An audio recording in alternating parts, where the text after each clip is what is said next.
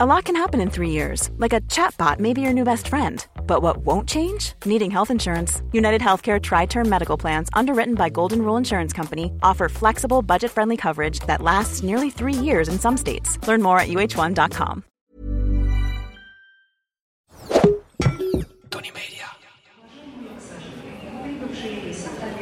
Welkom bij Rusland voor Gevorderden. In deze podcast neem ik jullie mee door Rusland en andere landen uit de voormalige Sovjet-Unie. In samenwerking met Dagblad Trouw probeer ik verdieping te geven aan het gebied, maar met een flinke dosis humor en absurdisme. En af en toe vies eten.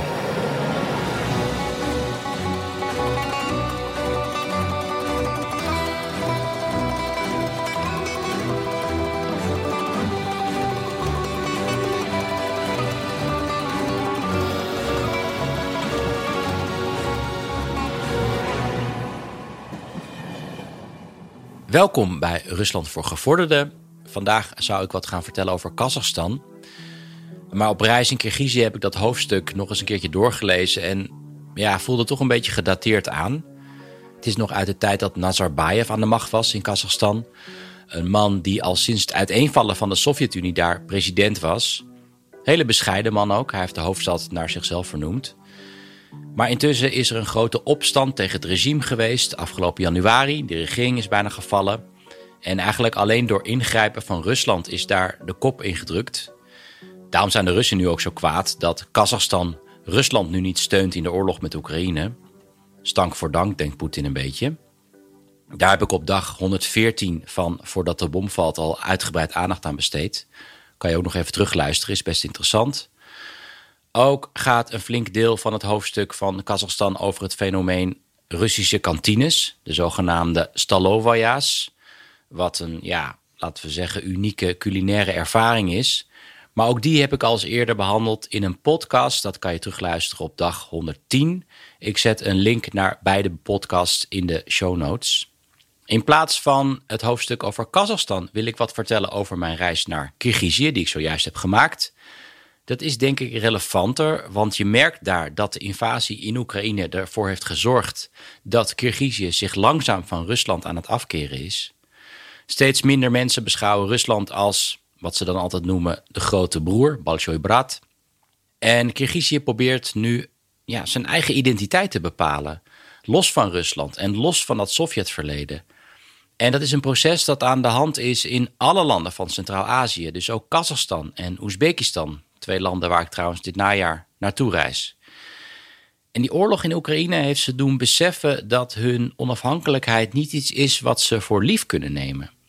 En het verhaal van Kirgizië is tot op zekere hoogte ook het verhaal van de rest van Centraal-Azië. Een strategisch gelegen gebied tussen Oost en West, dat langzaam zijn aandacht dus nu verlegt van Rusland naar het Westen en ook naar China. Maar goed, deze week neem ik jullie dus mee op reis naar Kirgizië. Maar eerst nog even dit. Een trouwe sponsor van de serie en zo ook van deze aflevering is Bamigo. Bamigo is een kledingmerk voor mannen en hun kleding is gemaakt van een zelfontwikkelde bamboetextiel. Bijvoorbeeld ook hun nieuwste korte broek. Die is gemaakt van bamboe en biologisch katoen.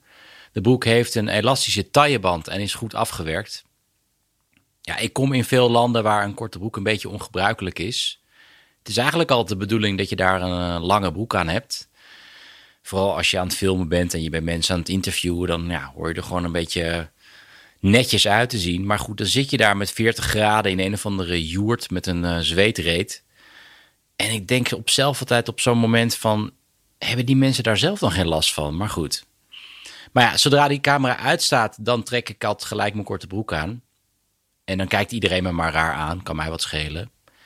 En die korte broek van Bamigo die is heel fijn en ademend. Het is echt een aanrader voor als je ooit in een uh, warme joert belandt. Maar ook op andere plekken trouwens. Je hoeft er niet helemaal voor naar Kirgizië. Het is ook helemaal prima in een Nederlandse zomer. Op de fiets door de stad. Lekker. Ik ben wel altijd blij als ik weer in Nederland ben trouwens. Dat ik weer gewoon zo'n korte broek aan kan.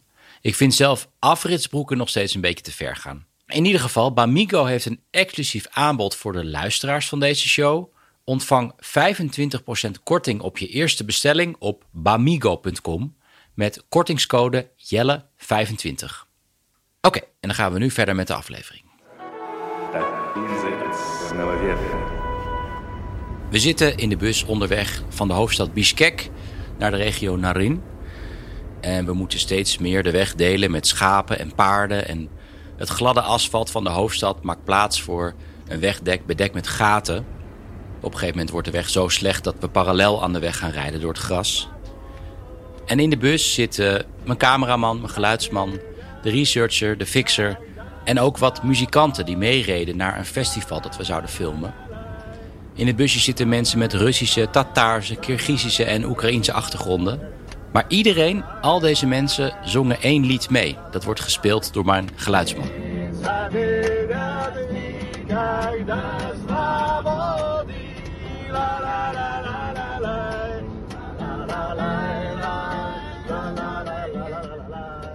Dit is een lied afkomstig uit de tekenfilmserie Bremensky Muzikanti.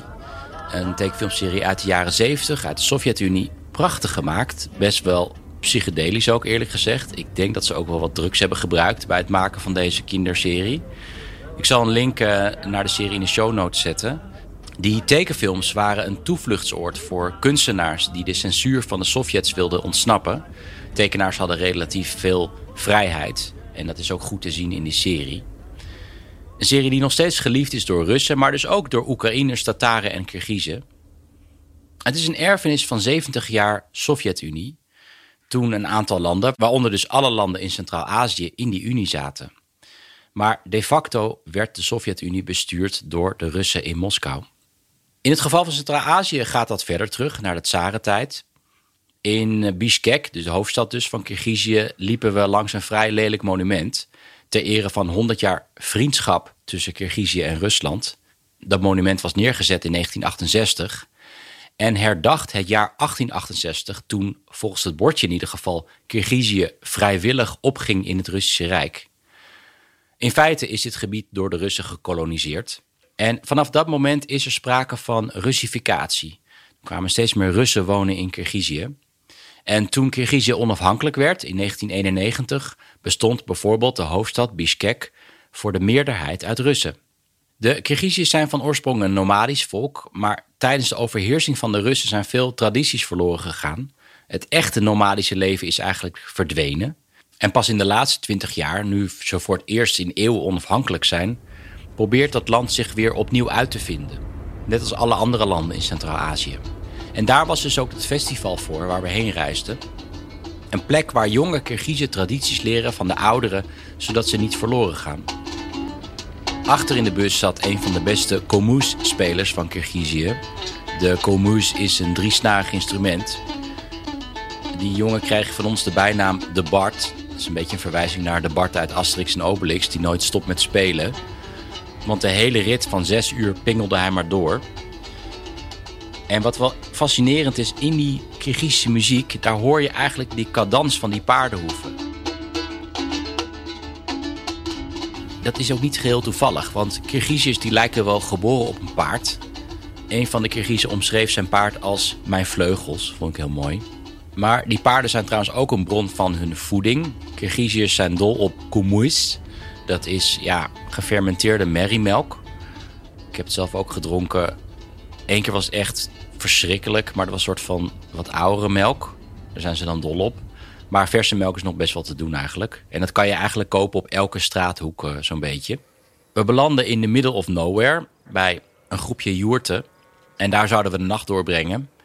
En om daar niet met lege handen te komen, want dat is altijd super ongemakkelijk als je bij iemand te gast bent, hadden we een schaap meegenomen, net als in Altai eigenlijk. Op het veld voor de joerten werd kokboru gespeeld. Ik denk wel een van de mafste sporten ter wereld.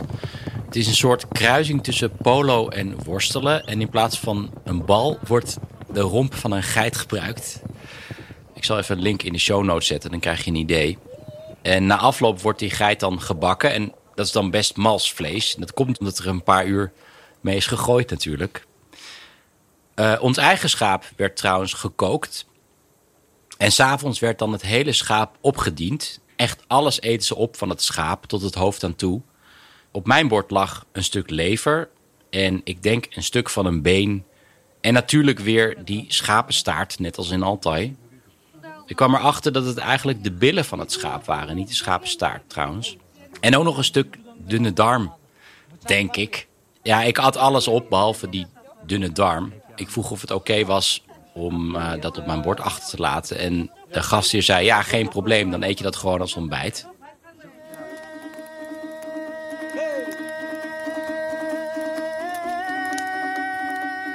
S'avonds viel ik in de joert in slaap en ik keek naar boven naar de sterren. Want in het midden van de joert zit de toendoek. Het gat waar ja, de rook naar eh, kan worden afgevoerd. En dat is zo belangrijk, dat gat van die joert, dat het ook midden op de Kirgizische vlag staat. Want het is namelijk het eerste wat je ziet als je wakker wordt, als je naar boven kijkt. Vond ik heel mooi. Nou ja, dat ontbijt probeerde ik, dat snappen jullie wel, te ontwijken. Vanwege die dunne darm. Ik kan echt veel hebben, maar een koude, dunne darm op een nuchtere maag na een nacht matig slapen in een joert zonder douche of koffie, dat ging me een beetje te ver. Dus ik ging buiten op een bankje zitten naast een Kirgizische en we dronken een kopje thee. Misschien verstopte zij zich ook wel voor die dunne darm, dat durfde ik verder niet te vragen. En ze vertelde dat ze probeert om Engels onderwijs op lagere scholen in te voeren.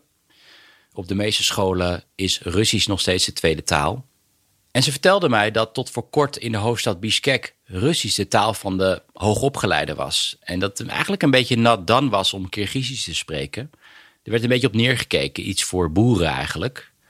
Maar in de afgelopen vijf jaar is daar verandering in gekomen. Veel stadse jongeren proberen nu die taal te leren.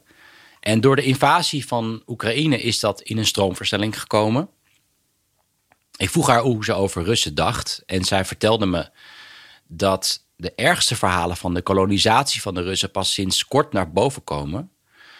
En pas echt goed historisch worden onderzocht. Zoals de opstand van 1916. Iets waar ik eigenlijk helemaal niks van wist, om eerlijk te zijn.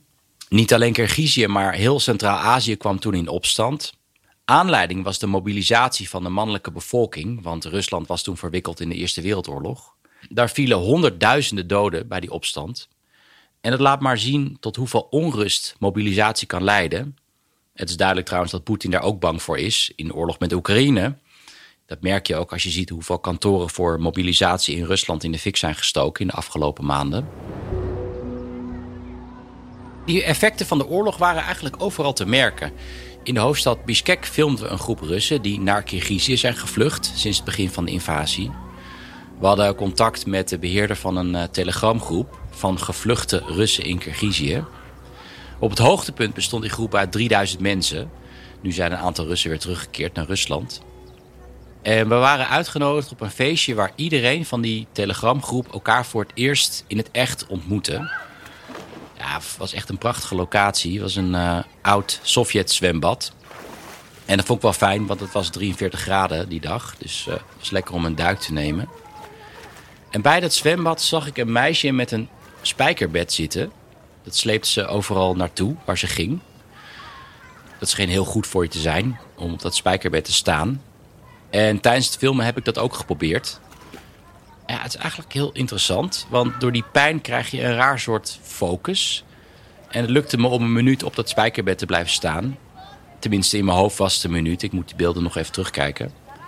Die echte pijn kwam trouwens na afloop pas. Hoe dan ook, dat meisje vertelde me dat ze uit Sint-Petersburg kwam. En in de eerste week van de oorlog besloot om weg te gaan uit Rusland. En toen ze het haar moeder vertelde, noemde haar moeder haar een landverrader.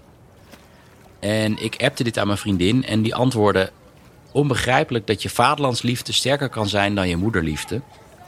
Ik kan me daar ook helemaal niks bij voorstellen. Hoe dan ook, dit meisje heeft door de oorlog geen contact meer met haar ouders... en is ook veel vrienden kwijt.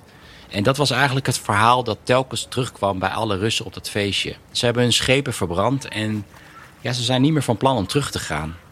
En ze voelen zich gelukkig in Kirgizië, waar door die 70 jaar Sovjet-Unie toch nog iets hun doet denken aan Rusland.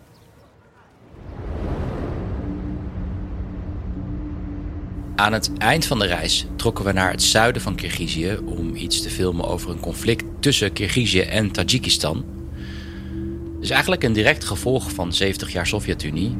In dit gebied zijn de grenzen namelijk nogal onduidelijk. In de Sovjet-Unie zijn die grenzen tussen de verschillende staten helemaal niet duidelijk gemarkeerd. Op sommige kaarten lopen de grenzen zo en op andere kaarten lopen die grenzen weer anders. Bovendien zitten hier Tajiken en Kirgizen en ook Oezbeken verspreid over al die verschillende landen. In de Sovjet-tijd maakte het allemaal niet zoveel uit. Het was een groot land en de binnenlandse grenzen deden er niet toe. Maar nu, al die landen onafhankelijk zijn, leidt dat tot conflicten. En om het nog ingewikkelder te maken gaat die strijd ook over water. Dit is kurkdroog gebied. Alle water dat ze hebben komt van de gletsjers die smelten als de zomer begint. Dat gletsjerwater loopt als een soort levensader door de rotswoestijn. En in de Sovjet-tijd werd dat gletsjerwater omgeleid met irrigatiekanalen. Vroeger werd vanuit Moskou dan bepaald hoeveel elk gebied kreeg aan water. Na de onafhankelijkheid is dat verdeelpunt in handen van de Kirgizen gekomen. Dat lag toevallig in Kirgizië. En die kunnen dus bepalen hoeveel water er naar Tajikistan gaat. Nou, de Tajiken die klagen dat ze te weinig water krijgen. En dat leidt tot een strijd waar soms ook doden vallen. Vorig jaar in april vielen 36 doden aan Kirgizische zijde en 19 doden aan Tajikse zijde. Tot die tijd werd de strijd altijd uitgevochten met vuisten en met stenen. Maar toen ineens met mortieren en geweren. Voor de nabestaanden van die doden, tenminste aan de Kirgizische kant, is een hele nieuwe wijk neergezet. Een soort van ja, wijk met prefab huizen in het midden van de woestijn. We gingen daar filmen. Echt een totaal absurde plek. Een soort van filmset leek het wel. Ik zal even een foto in de show notes zetten. En ik sprak daar een vrouw die haar man verloor in dit conflict. En ze liet mij op een gegeven moment op haar telefoon een filmpje zien van hoe haar man werd beschoten, door de Tajiken dus. En ik zag hem daar geraakt worden en dood neervallen. En terwijl ze mij dat liet zien, zat haar dochter van negen naast me. En ik wist niet zo goed wat ik daarmee aan moest. Ik wist niet of die dochter dat filmpje ooit al had gezien. En of het wel oké was, maar ik ging daar dan maar vanuit. En die dochter keek rustig mee, terwijl ze zag dus hoe haar vader werd neergeknald. En ik vroeg aan de moeder of ze het goed of juist verschrikkelijk vond dat ze dit filmpje had. Want wil je nou eigenlijk liever wel zien dat je partner doodgaat of juist niet? Ik zou dat zelf ook niet zo goed weten. Zij vond het wel fijn, zei ze in ieder geval. Ze keek nog steeds af en toe naar het filmpje. We reden zelf naar de grens en ja, het was een gespannen situatie. Een paar weken geleden werd daar nog een grenswacht doodgeschoten. Alle soldaten die we spraken hadden een bivakmuts op bij het filmen. En we liepen beneden naar de rivier, dus naar dat verdeelpunt van water, dat dus nu in Kirgizische handen is.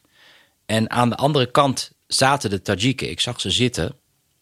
En tijdens het filmen liep er één naar de oever van de rivier en begon te schelden naar ons. In het Russisch natuurlijk, hun gemeenschappelijke taal. En hij zei dat ze zouden gaan schieten als we niet zouden stoppen met filmen. Omdat hun huisje daar ja, eigenlijk in beeld was. En daarachter zaten twee soldaten die hielden ons onder schot vanuit een loopgraaf. Nou, toen zijn we natuurlijk gestopt met filmen.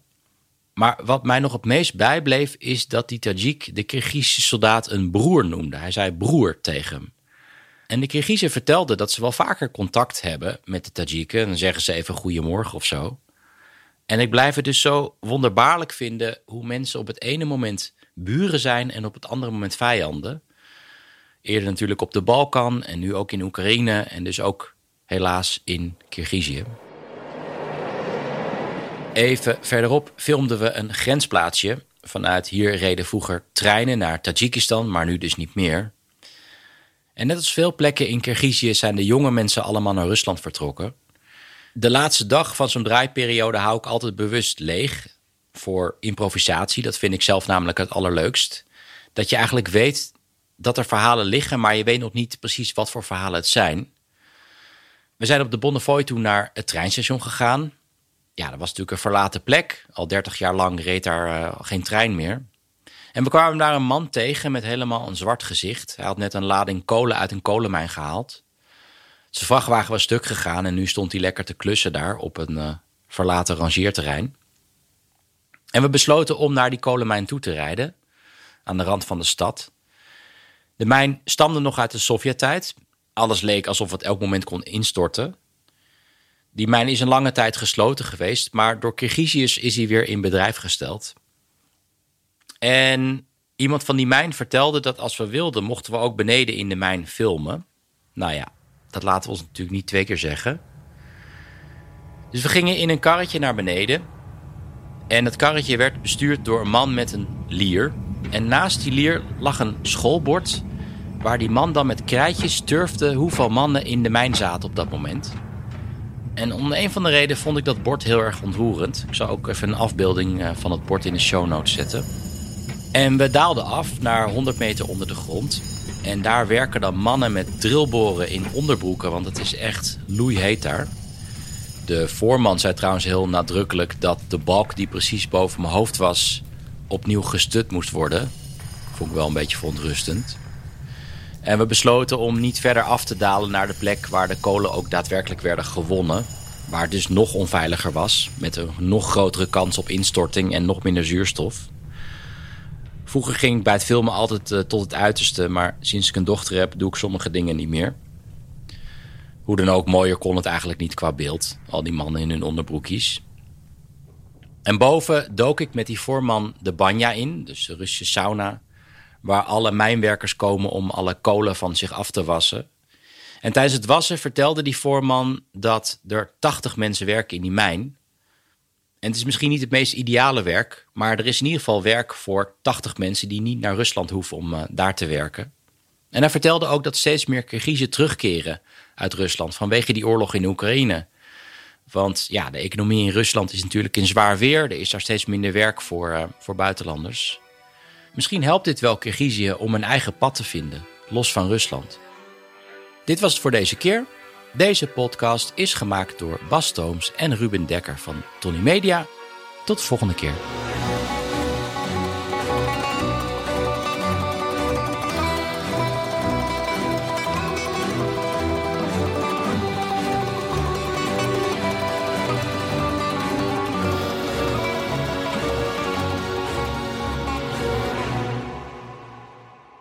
Dit was een productie van Tony Media en Dagblad Trouw. Voor meer verdieping ga naar trouw.nl.